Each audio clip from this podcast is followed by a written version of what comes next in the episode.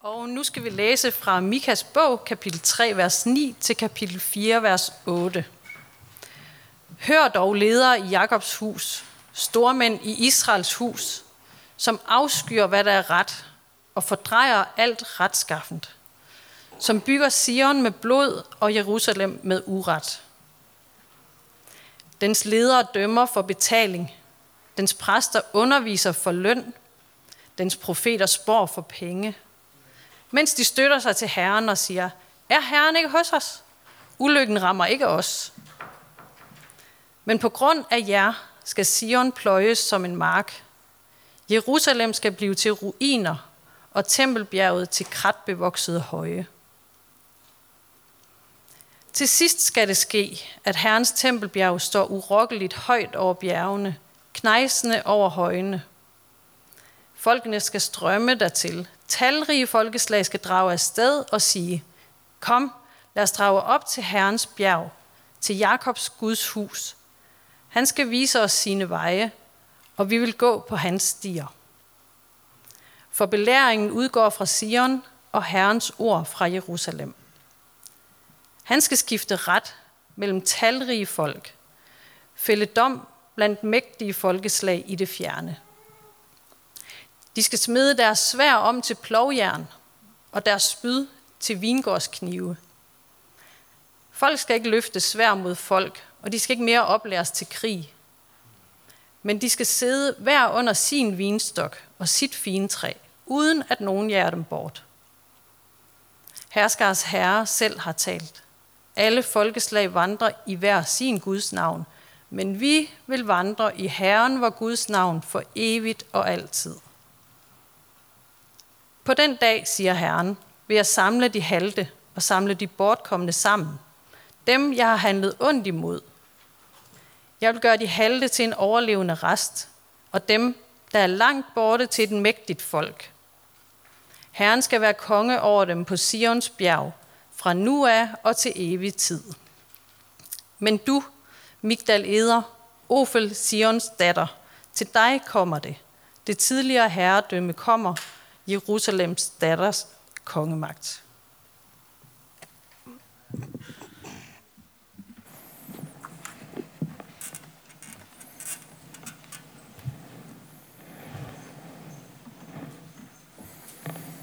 Det har stået rigtig, rigtig skidt til i Israel omkring år 700 før Kristus, hvor Mikael lever. Korruptionen den har gennemsyret samfundet. Dommerne de har kunne købes af højstbydende konger og stormænd, de har sendt folk i krig, bare for profit. De handlende, de har snydt med vægte øh, og skatter, så det driver. Seere og spormænd, de har siddet og bundet folk historier på ærmet og bildt dem ind, at det hele det nok skal gå alligevel med en falske løfter om en bedre fremtid.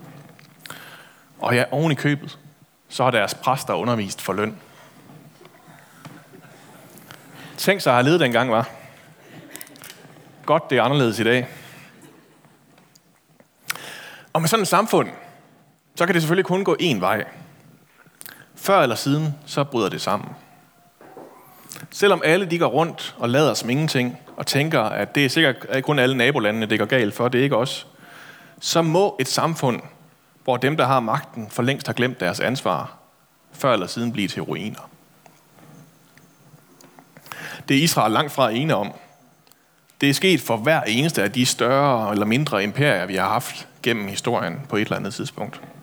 Fra romeriet til majaerne til kineserne, så er det før eller siden gået galt, når problemerne de er blevet så store, at samfundet ikke til sidst er blevet fuldstændig udhulet, og der ikke har været noget som helst, der holdt det sammen længere, og der bare skulle et lille bitte prik til, at det hele faldt fra hinanden.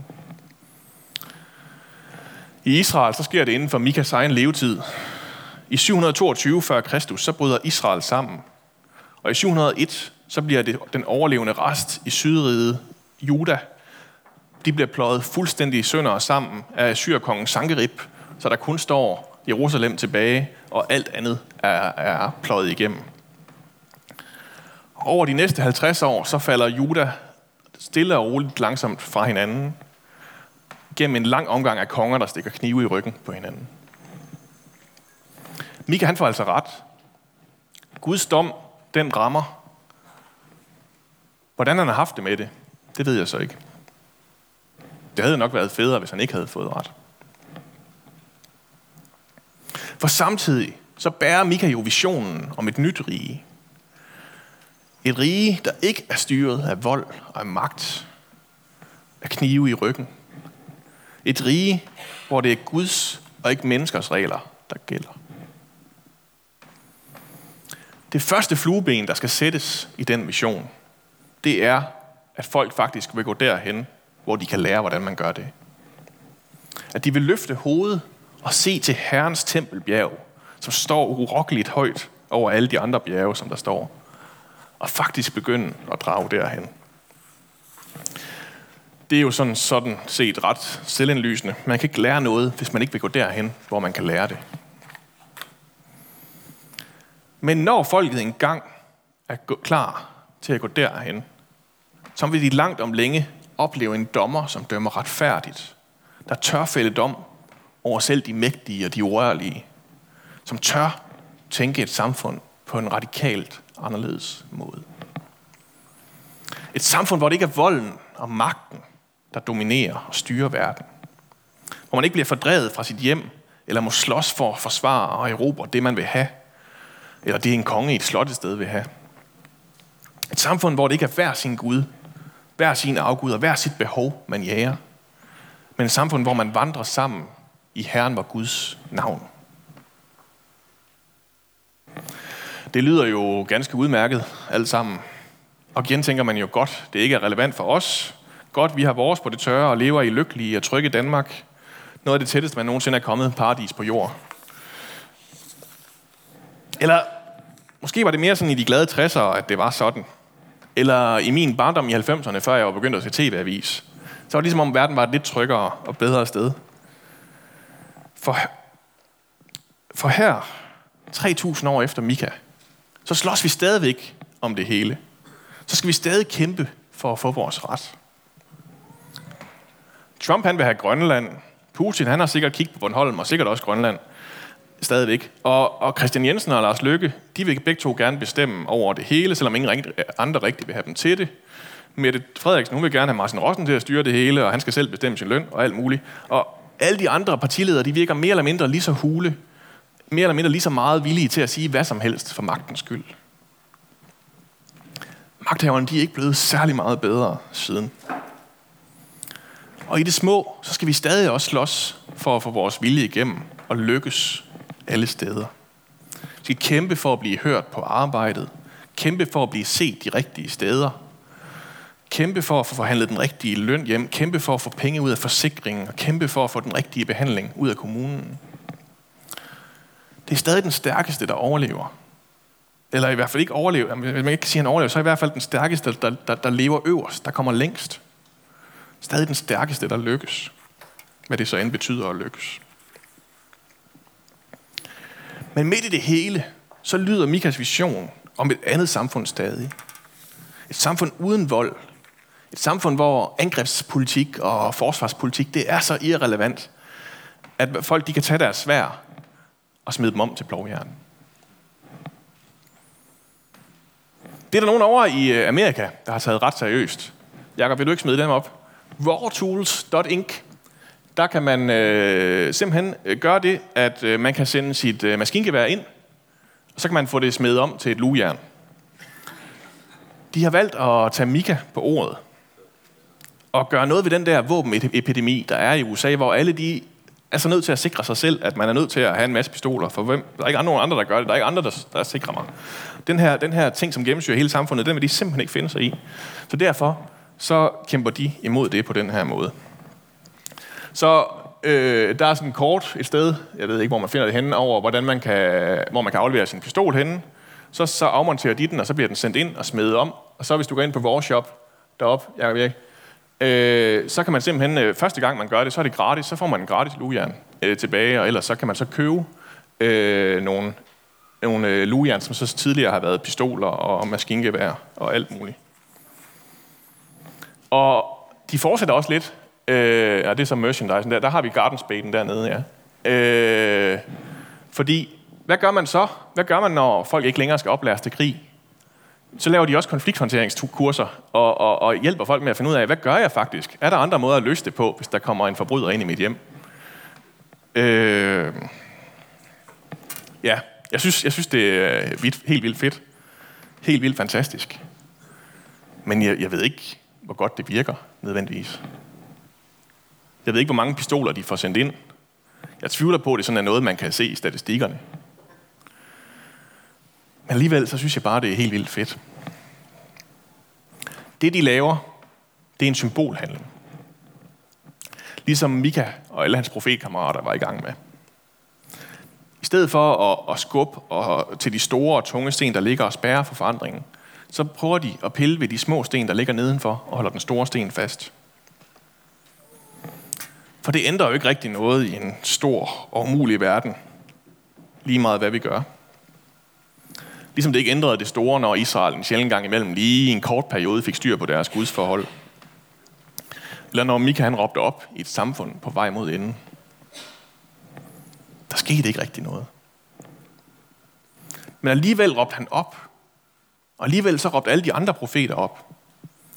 Selvom det nærmest var absurd, som vi talte om sidste gang. De vidste godt, der ikke rigtig var nogen, der hørte efter. Alligevel så skal vi også råbe op. Og det rejser jo spørgsmålet. Hvad er det for en vold i vores samfund her i Danmark, vi skal begynde at gøre noget ved? Hvor er det destruktive, som kan smides om til det konstruktive? Hvor skal vi plante i stedet for at brænde af? Hvad er det for nogle digte, der skal skrives? Hvad er det for nogle håndværk, der skal dyrkes? Nogle events, der skal udføres? Hvordan lever vi symbolsk imod stressepidemi og ensomhed og overfladekultur og fratagelse af menneskers grundlæggende værdighed og kviklån og besparelsesrunder og alle de andre ting, som er med til at udhule vores samfund stille og roligt. Hvordan bliver vi i Aalborg Valgmenighed et symbol på, at der er en anden vej at gå? Det er vi selvfølgelig i fuld gang med allerede på alle mulige måder rundt i vores familier, i kirkens liv, på alle mulige andre steder, så sker det, at vi prøver at lade Mikas vision om Guds rige lyde en gang til. Og fundamentet for, at det her det kan ske, det er først og fremmest, at vi stopper op og kigger hen mod Herrens tempelbjerg, som står der urokkeligt højt over, over bjergene. At vi tør sige til hinanden, kom, lad os drage op til Herrens bjerg, til Jakobs Guds hus. Han skal vise os sin veje, og vi vil gå på hans stier. At vi peger hen på noget andet end os selv. At det ikke bliver os, som er lige så brudte og ødelagte som alle de andre mennesker og magter. Det er ikke os, det handler om. Det er ikke os selv, der er målet og midlet i det, vi gør. At vi lader Gud være konge og nøjes med selv at være kongebørn. For på den dag, hvor alt det, som Mika lover, det er sket fuldstændigt og permanent, så er det nemlig ikke os mennesker, der skal lege herre og konger længere. Så kommer Herren nemlig selv ned på jorden og gør alting nyt. Gør alting godt igen. Hele de sår, vi har lavet på den her jord, de sår, vi har lavet på hinanden. Han vil være konge over de halte og de fredløse, siger han. Jeg ved ikke, om der er andre end mig, der har nået at se The Family endnu. Det er sådan den nye Netflix-dokumentar. Øh, og det er sådan en, øh, en, øh, en dokumentar om sådan en hemmelig kristen organisation. The Family kalder de sig. Der arbejder på at påvirke politikerne i Amerika og også i store dele af, af resten af verden. Og det gør de på alle mulige forskellige måder øh, ved at få, få bragt sig selv i rum med nogle af de her allervigtigste mennesker i verden, dem der tager nogle af de allervigtigste beslutninger i verden. Og så kan de ligesom guide dem til at tage nogle kristelige beslutninger, når de skal finde ud af, hvad for nogle krige de skal gå i og sådan noget. Og jeg ved, jeg, jeg har ikke sådan helt så ondt i røven over det, som dem, der har lavet øh, dokumentaren. Og ikke mindst dem, der laver musikken til dokumentaren, så kan man virkelig høre, hvem de holder med. Øh, men selvom man godt nok øh, sætter sig selv i nogle meget, meget svære positioner en gang imellem, når man er så tæt på magten, men Jeg tror simpelthen ikke, bagmændene bag den her organisation, de har fået læst deres Mikas bog. Læst om, hvordan magten fungerer i Guds rige. Fordi på overfladen, så er det selvfølgelig en fornuftig og logisk og, og, og velfunderet strategi at samle alle de allervigtigste og mægtigste mennesker i verden, og så få gjort dem så fromme og gode som muligt. Det er bare ligesom om, det ikke rigtig virker alligevel. At alle de her vigtigste og mægtigste mennesker har ret mange andre ting, de også rigtig gerne vil. Og derfor så er det altså heller ikke dem, Jesus han satte sig på, når han vender tilbage til jorden. Nej, i stedet for så samler han de halte og dem, der er blevet væk, står der. Det lyder lidt som sådan en sølleflok. Men det er os. Os med alle vores skavanker, med al vores indre uro og mislykkede symbolhandlinger. Os, der får lov at komme hjem til et sted, hvor der er plads til alt, hvad vi er. Et rige, hvor der ikke rigtig er særlig meget øh, hvor, til et rige, hvor det, der ikke er særlig meget værd, det, der synes nok så mislykket, alligevel er lykkedes og er alt værd. Fordi Jesus har betalt alt, hvad han havde for os. Ja. yeah. Fordi vi var alt værd for ham. Og til sidst, så får Mika nemlig lige antydet hans komme. Næste, næste gudstjeneste bliver det endnu mere tydeligt.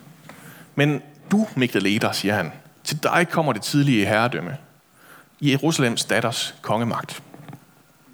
Leder, det er et tårn i Bethlehem, hvor Jesus han 700 år senere bliver født.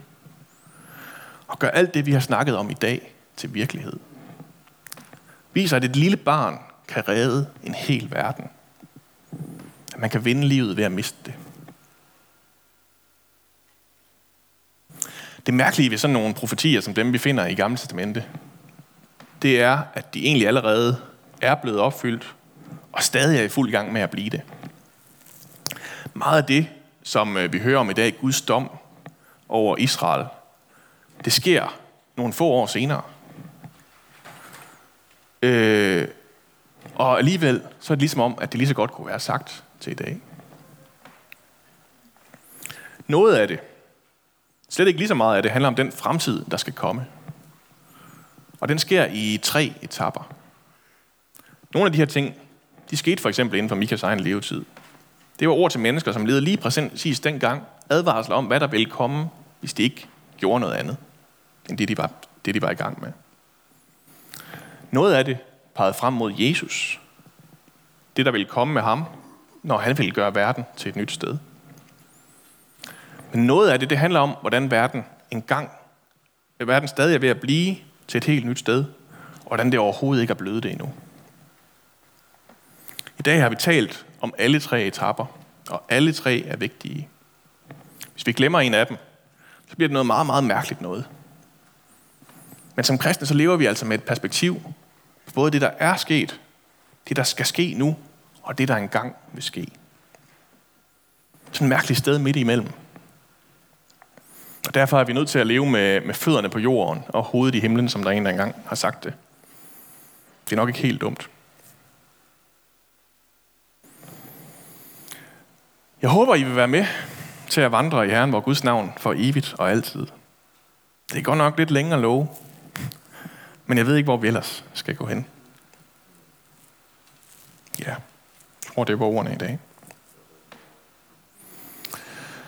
Far, vi øh, siger dig tak, fordi at du bringer en ny vision, en ny måde at være menneske på, en ny måde at være samfund på.